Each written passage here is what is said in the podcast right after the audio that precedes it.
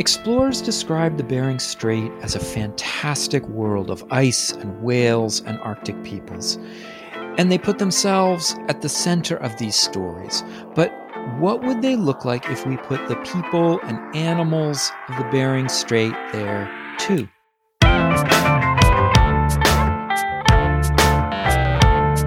It's time to eat the dogs. I'm Michael Robinson. Today, Bathsheba DeMuth talks about the history of the Bering Strait from the early 1800s until the present day. DeMuth is an assistant professor of history and environment and society at Brown University. She's the author of Floating Coast An Environmental History of the Bering Strait. Bathsheba DeMuth, thank you so much for talking with me. Yeah, thank you, Michael. So, when you were 18, you moved up to Arctic Alaska and you lived with a host family there. Can you talk a bit about your motivations for that and the experience? Yeah, so I actually moved to a community in the Yukon Territory, so just across the the border uh, in Canada, and perhaps the the sort of reason that I ended up there was reading too much Jack London when I was a kid. um, I'm, I'm, not sure. Yeah. I think my my main motivation was I was 18. I didn't feel like I knew what I wanted to study when I went to college. College is expensive and it takes a big chunk of time. And so I, I wanted to take some time off and take what we now call a gap year, even though at the time they weren't all that uh, formalized. And I put together this ad hoc schedule where I was going to go to this village in the Yukon and then I was going to go to a couple other places on my, you know, shoestring 18 year old budget and long story short is that I have never made it to those other places on my itinerary because I ended up staying in the Yukon for a really long time. It was it was more than a gap year by the time I left. You were training dogs, or you were learning how to run dogs. Yes, so I was my my job when I arrived in this village of Old Crow was to be a dog handler so in the way of kind of dog handlers all over the North American Arctic, you learn how to train sled dogs by working for somebody who already has a kennel. It's kind of an apprenticeship model. So I went up there as an 18 year old from Iowa who had never met a sled dog in her life. um, I thought I knew something about dogs because I grew up with pet dogs um, and pretty rapidly learned that working dogs are a, a different, different sort of animal altogether. And so I learned how to you know take care of the dogs how to train them for distance races. And because i was living in a little indigenous community that's about 100 miles from the nearest road i also learned all the aspects of a you know contemporary subsistence lifestyle. So you know i'm pretty good at field dressing a moose as a result of my time up there.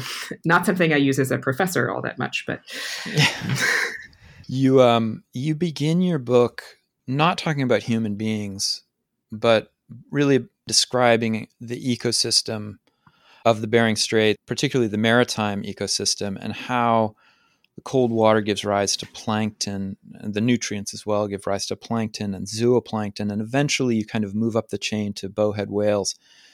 Why did you begin your book this way?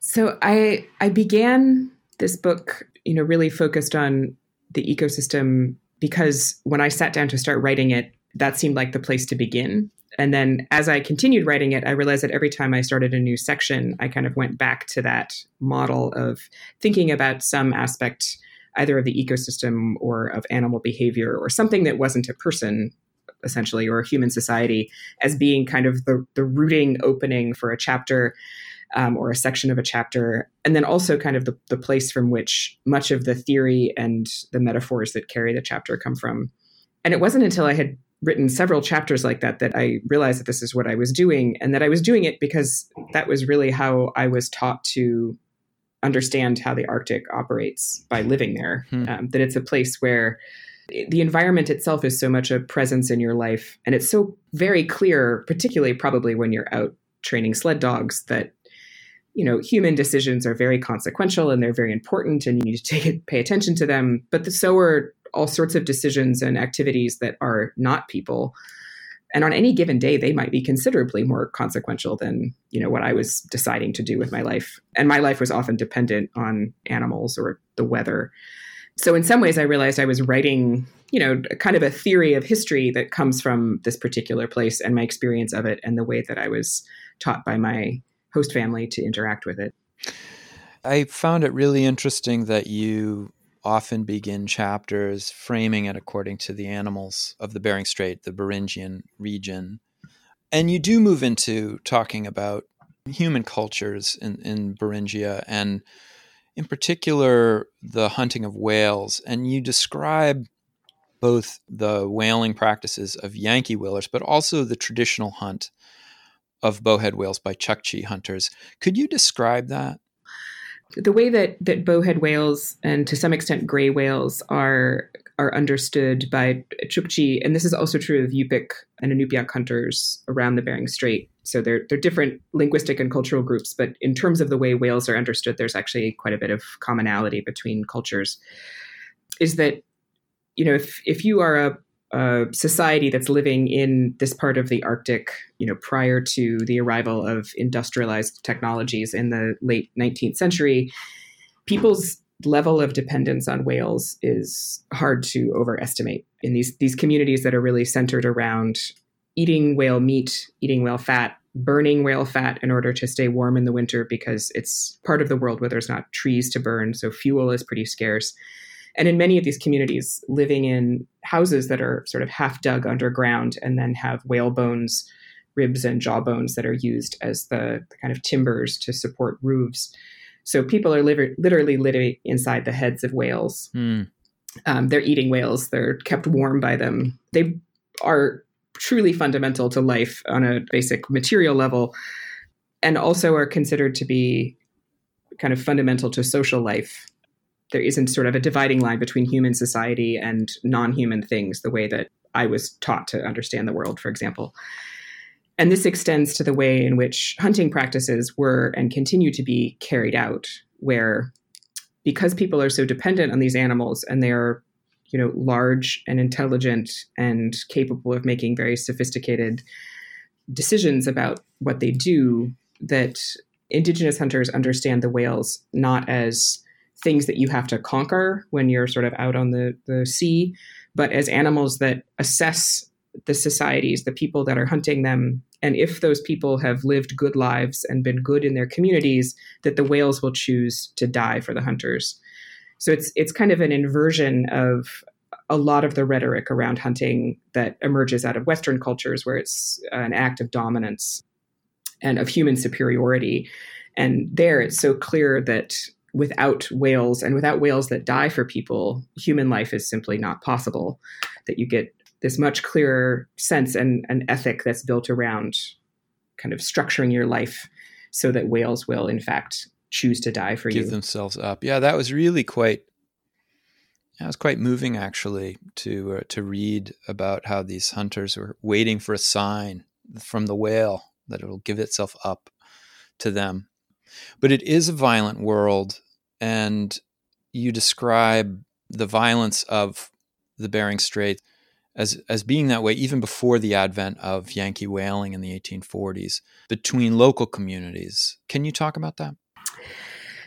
Yeah, so one thing I, I wanted to make sure in writing this book was to not kind of rearticulate a pretty common trope in a lot of Western histories of indigenous societies in the Arctic and elsewhere. But I think the Arctic often has an extreme version of this idea that, you know, before Europeans arrive in some form, the cultures that lived in the Arctic were simply placid people who didn't change, had no political contests, didn't develop new technologies, didn't fight over territory, um, didn't have major differences that they worked out through peaceful politics. And the history of the Bering Strait that is very easily accessible uh, through oral histories, kind of right prior to the arrival of Europeans or in the very early stages of explorers from Russia or, or Britain arriving in the Bering Straits, make it really clear that this was a, um, a place that was just alive with politics, that people were figuring out questions of, of value and territory and leadership all the time. And sometimes we're doing it very peacefully through negotiation. Um, and there's some you know very carefully curated practices around meeting at certain times of year when it was absolutely verboten to to participate in any kind of violence. And then sometimes through really very violent altercations um, often crossing the bering strait. So it's another way of kind of showing the degree to which the the border that is now so present in people's lives is historically very recent and doesn't speak to the, the longer past of this place and the way that people have moved back and forth across that 50 miles. Yankee whalers start arriving in the Bering Strait in the middle decades of the 1800s. What was so valuable about the bowhead whale that they would come so far to seek out these animals as commodities? The uh, one word answer is that they have a lot of fat. They came up for bowhead fat. Uh, bowheads are over 40% fat by volume. So they're almost a floating stick of butter. and that fat refines down very well into oil that can be burned, particularly for lighting, so lamp oil. And the, the middle of the 1800s, when the Yankee fleet arrives in the Bering Strait, is about a decade before kerosene comes online as a, a consumer light source. And whale oil was really the best kind of lighting if you could afford it, and had pushed the, the whaling fleet more or less to whale out the species that were closer to the eastern seaboard. So, you know, Atlantic right whales and sperm whales in the Atlantic are becoming scarcer, and that pushes the fleet all the way down around South America and then comes up through the Pacific past Hawaii.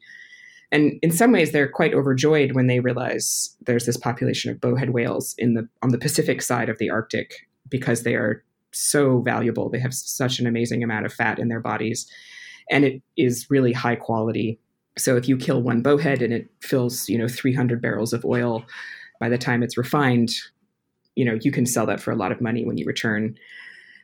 And then sort of the secondary initially the kind of secondary commodity that they're interested in is the baleen that this species of whales have in their mouth. So it's the they're kind of like giant combs that are the feeding apparatus of baleen whales.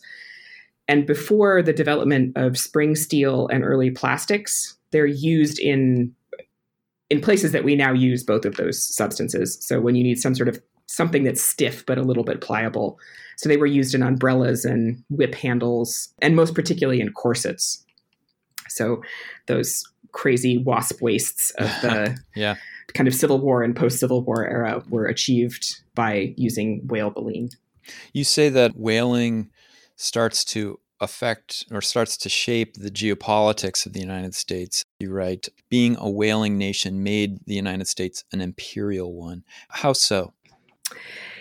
Yeah, this is something I didn't realize until I started doing the research for this was the degree to which in the Pacific the whaling fleet arrives in various parts of the Pacific Ocean first and then is followed by the US Navy uh, which wants to be able to offer you know protection uh, to use the the kind of advance of the whalers in order to advance U.S. geopolitical interests.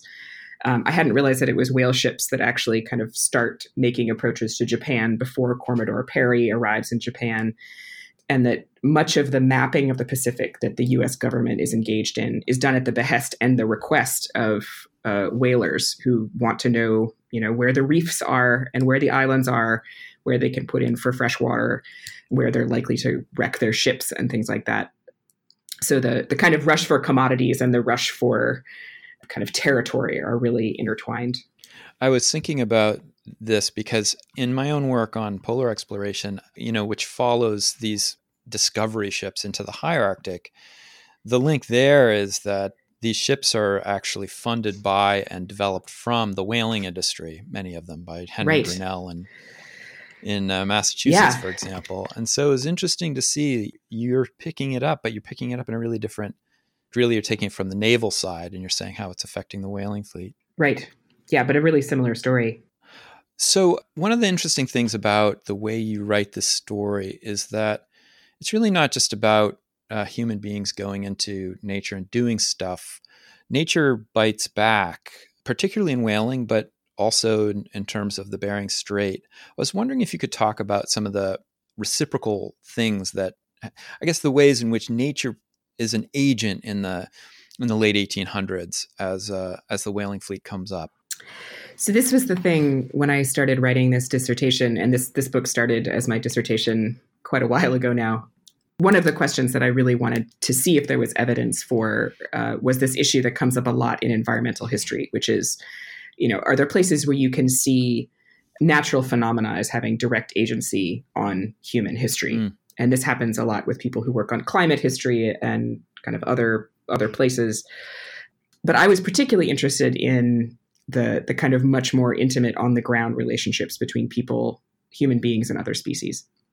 But I didn't know if there was any evidence for it. Um, it, it seems like a to me, it made kind of automatic sense because when you live in the Arctic, you see the, the kind of role that non human species have in human life all the time.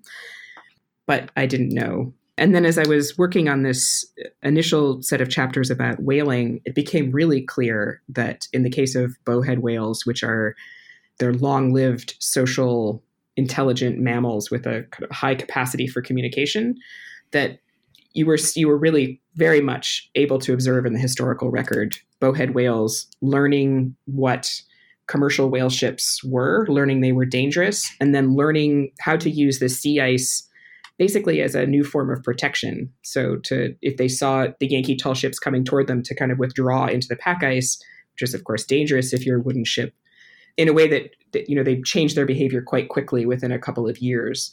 Yeah. I found that fascinating.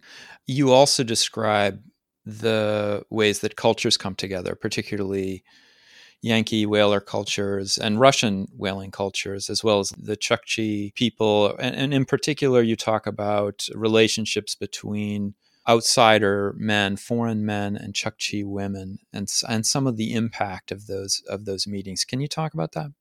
Yeah. So this is one of the. I mean, all histories have their their kind of complex and difficult aspects. Um, and this is one that was pretty apparent right away in the in the historical record, coming both from more indigenous sources and then also coming from the the written sources of in Yankee whale books, whaling logbooks, and things like that. Is that you know whale ships are largely male ventures. Sometimes captains would take their wives with them, but usually they're an all male social space and they would arrive in the Arctic and often have trade relationships with local peoples. And this is true, you know, in the Bering Strait, but it's also true in Hawaii um, and in Polynesia. This is a story that you can trace more or less wherever there are maritime kind of trade routes. And that one of the things that gets exchanged in these moments is sex, and sometimes it's consensual, and sometimes it's not, um, and sometimes it of course exists in a in an area that for a historian is a little hard to unpack because the sources are not necessarily very revealing about what is really going on in these instances. Right. Um, although it is quite clear that there are many cases where it's not consensual, um, and there are many cases where it is or is being done in exchange for something. So it, it turns into kind of an early sex trade. And what this does besides, of course, introducing a whole new set of social complications uh, for indigenous communities and sometimes social traumas, is it introduces venereal diseases, um, which end up having a really stark consequence. They're they're talked about in terms that I had seen elsewhere in histories that you know talk about the impact of measles or other infectious diseases like that, but that the impact, uh, particularly of syphilis, which can be carried for a very long time and transmitted between mothers and children, was is really destructive, um, and was destructive enough that in fact the, the Chukchi and some Inupiaq communities started to have uh, prohibitions of having any sorts of relationships with sexual relationships with outsiders because they put together pretty quickly wow. where the source of this disease was and took social steps to try to protect themselves from it. In the back of my head, as I was reading your book and the way these interactions between Beringian people and and foreigners, outsiders. I was thinking about Karen Routledge's book, Do You See Ice? She was on the podcast about a year ago and she talked about the interaction between Yankee whalers and the people of Cumberland Sound on Baffin Island. And one of the frameworks that she uses in her book is to to look at very different conceptions of what home it means to these different communities of people as well as time how mm-hmm. these various communities think about time quite differently. I was wondering your eh, geographical region is pretty far away from that. Uh, she's talking about the eastern canadian arctic and you're in the west.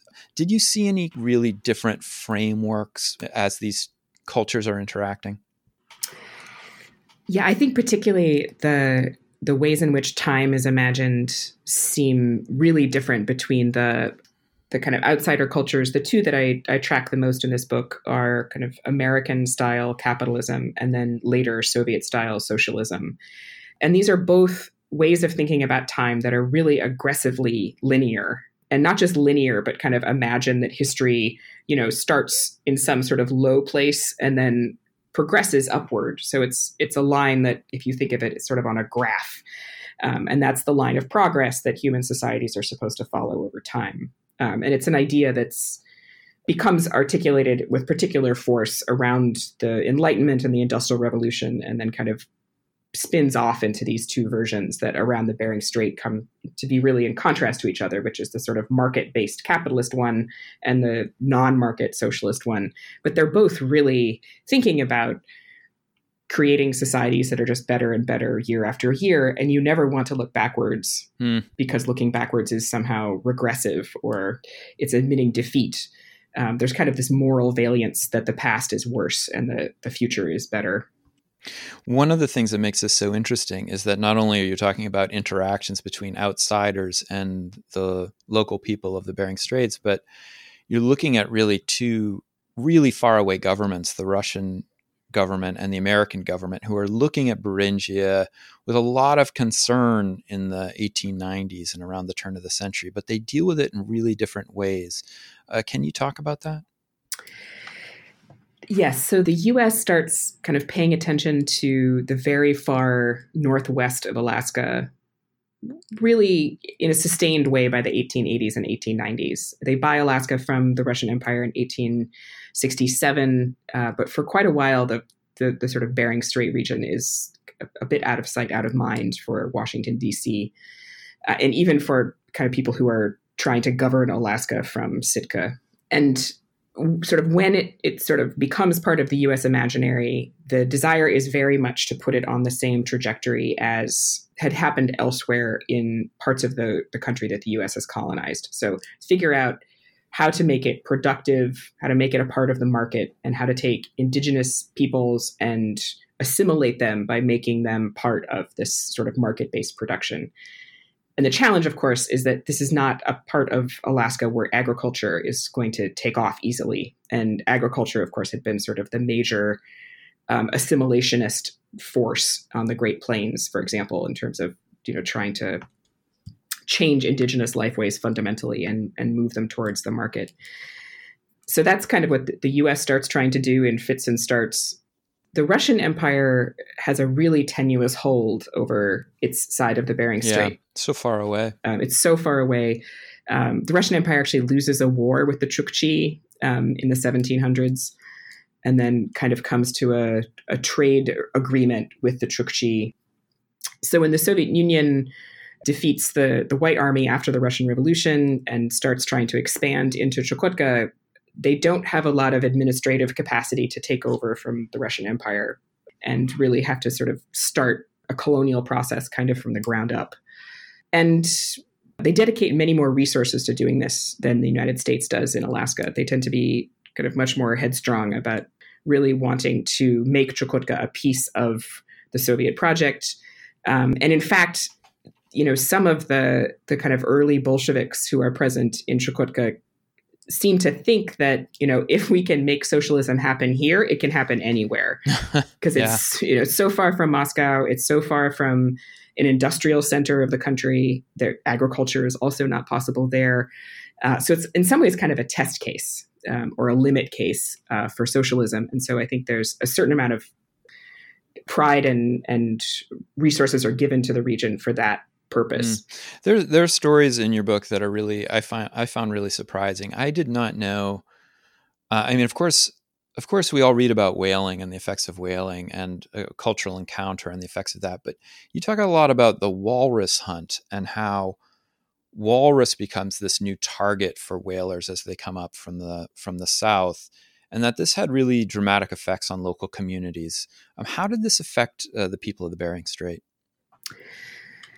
So the the walrus the the hunting of Pacific walruses um, is really sort of the second act of, ex- of energy extraction that comes to the Bering Strait. The first one is bowhead whales, um, and then as that population is increasingly under pressure from commercial hunting, the the Yankee whaling ships turned to hunting walruses, which you know, tend to haul out on icebergs in these sort of massive groups. So they're relatively easy hunting, and it turns out you can boil them down into oil just like you do a bowhead whale. Mm. It's not quite as good quality, but it um, it can serve a similar purpose.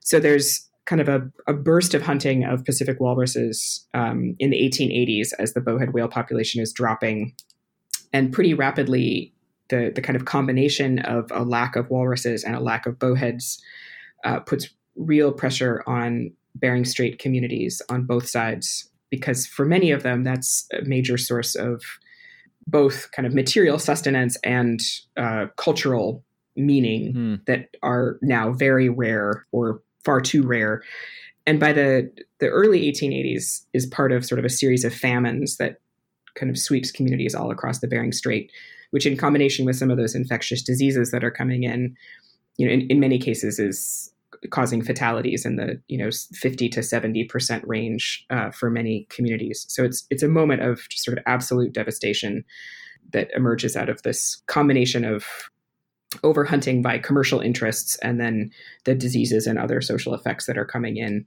uh, by those same hunters. Yeah, it was it was interesting how how much we talk about the hunting of buffalo in the American West and its effects upon Native American communities, and I had never even heard of. Uh, and you know, I work on polar stuff, but I never even heard about the effects of walrus. It was very very interesting. You carry your story up through the 20th century and uh, into the environmental movement of the 1970s and whaling becomes a real centerpiece for the environmental movement at that time. Why do you think whaling becomes that iconic uh, environmental point of activism?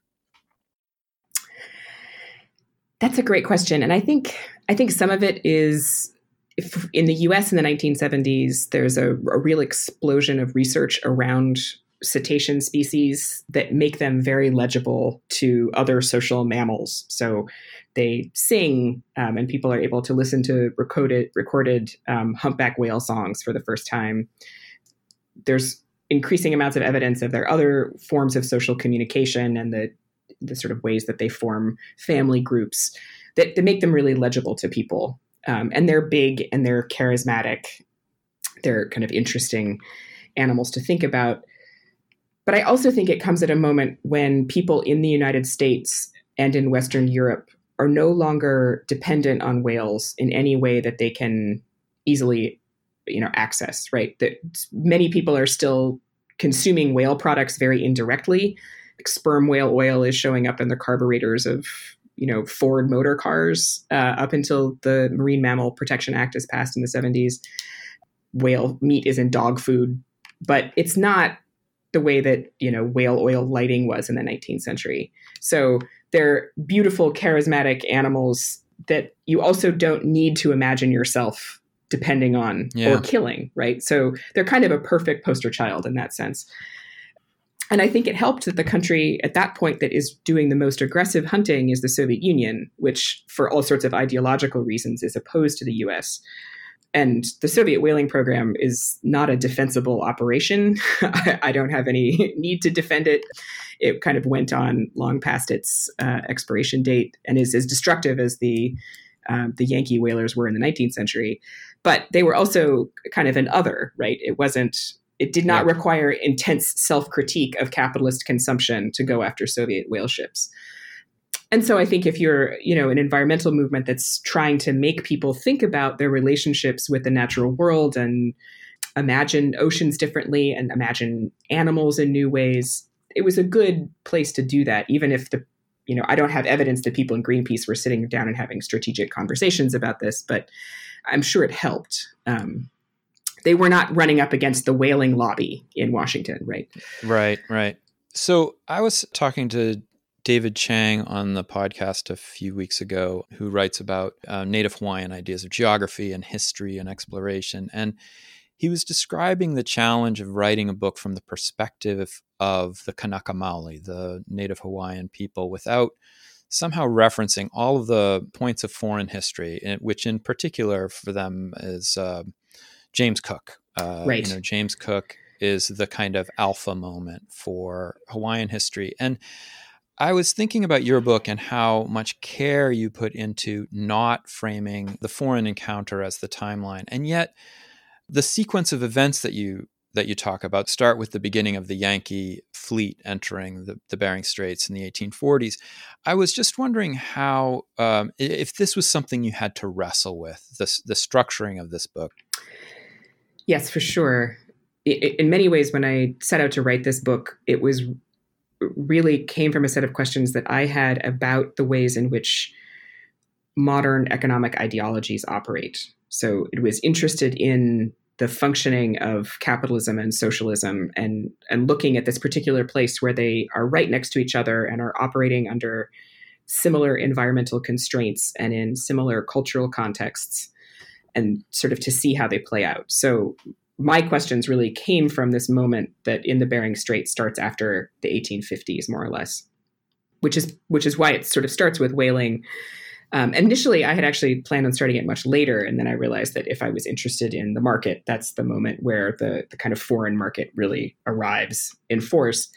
But at the same time, I did not want to write a history that was, you know, as you said, in the case of Hawaii, would just sort of trace back to Cook, right? Um, to write one that's as grounded in the place in which these ideologies come to inhabit as it is obsessed with the ideologies themselves. And I ended up treating this in many ways as a structural question. So I wanted to be able to write this book in a way that made it clear that the the intellectual traditions, the spiritual practices, the the ideologies about time that existed in the Bering Strait when capitalism and socialism arrive um, and exist in the Bering Strait to this day are equally participant in shaping the way people understand the world. And one of the ways I did that was to really think about the ways in which Beringian historians, so Chukchi, Inupiaq, and Yupik historians, tell their own histories and the structure of those histories, which are often include both a linear element and a cyclical one. So this is a book where there certainly is a linear through line. It starts in the 1840s and it ends in the more or less the present. But the, the sections of the book actually loop back and forth through the same events yeah. multiple times. It's kind of recursive in that sense. And then another thing that I foregrounded was places where the historical record offers multiple different interpretations of what happened. And instead of me as the sort of omniscient historian coming down and proclaiming one of them to be right and one of them to be wrong. I just put them next to each other.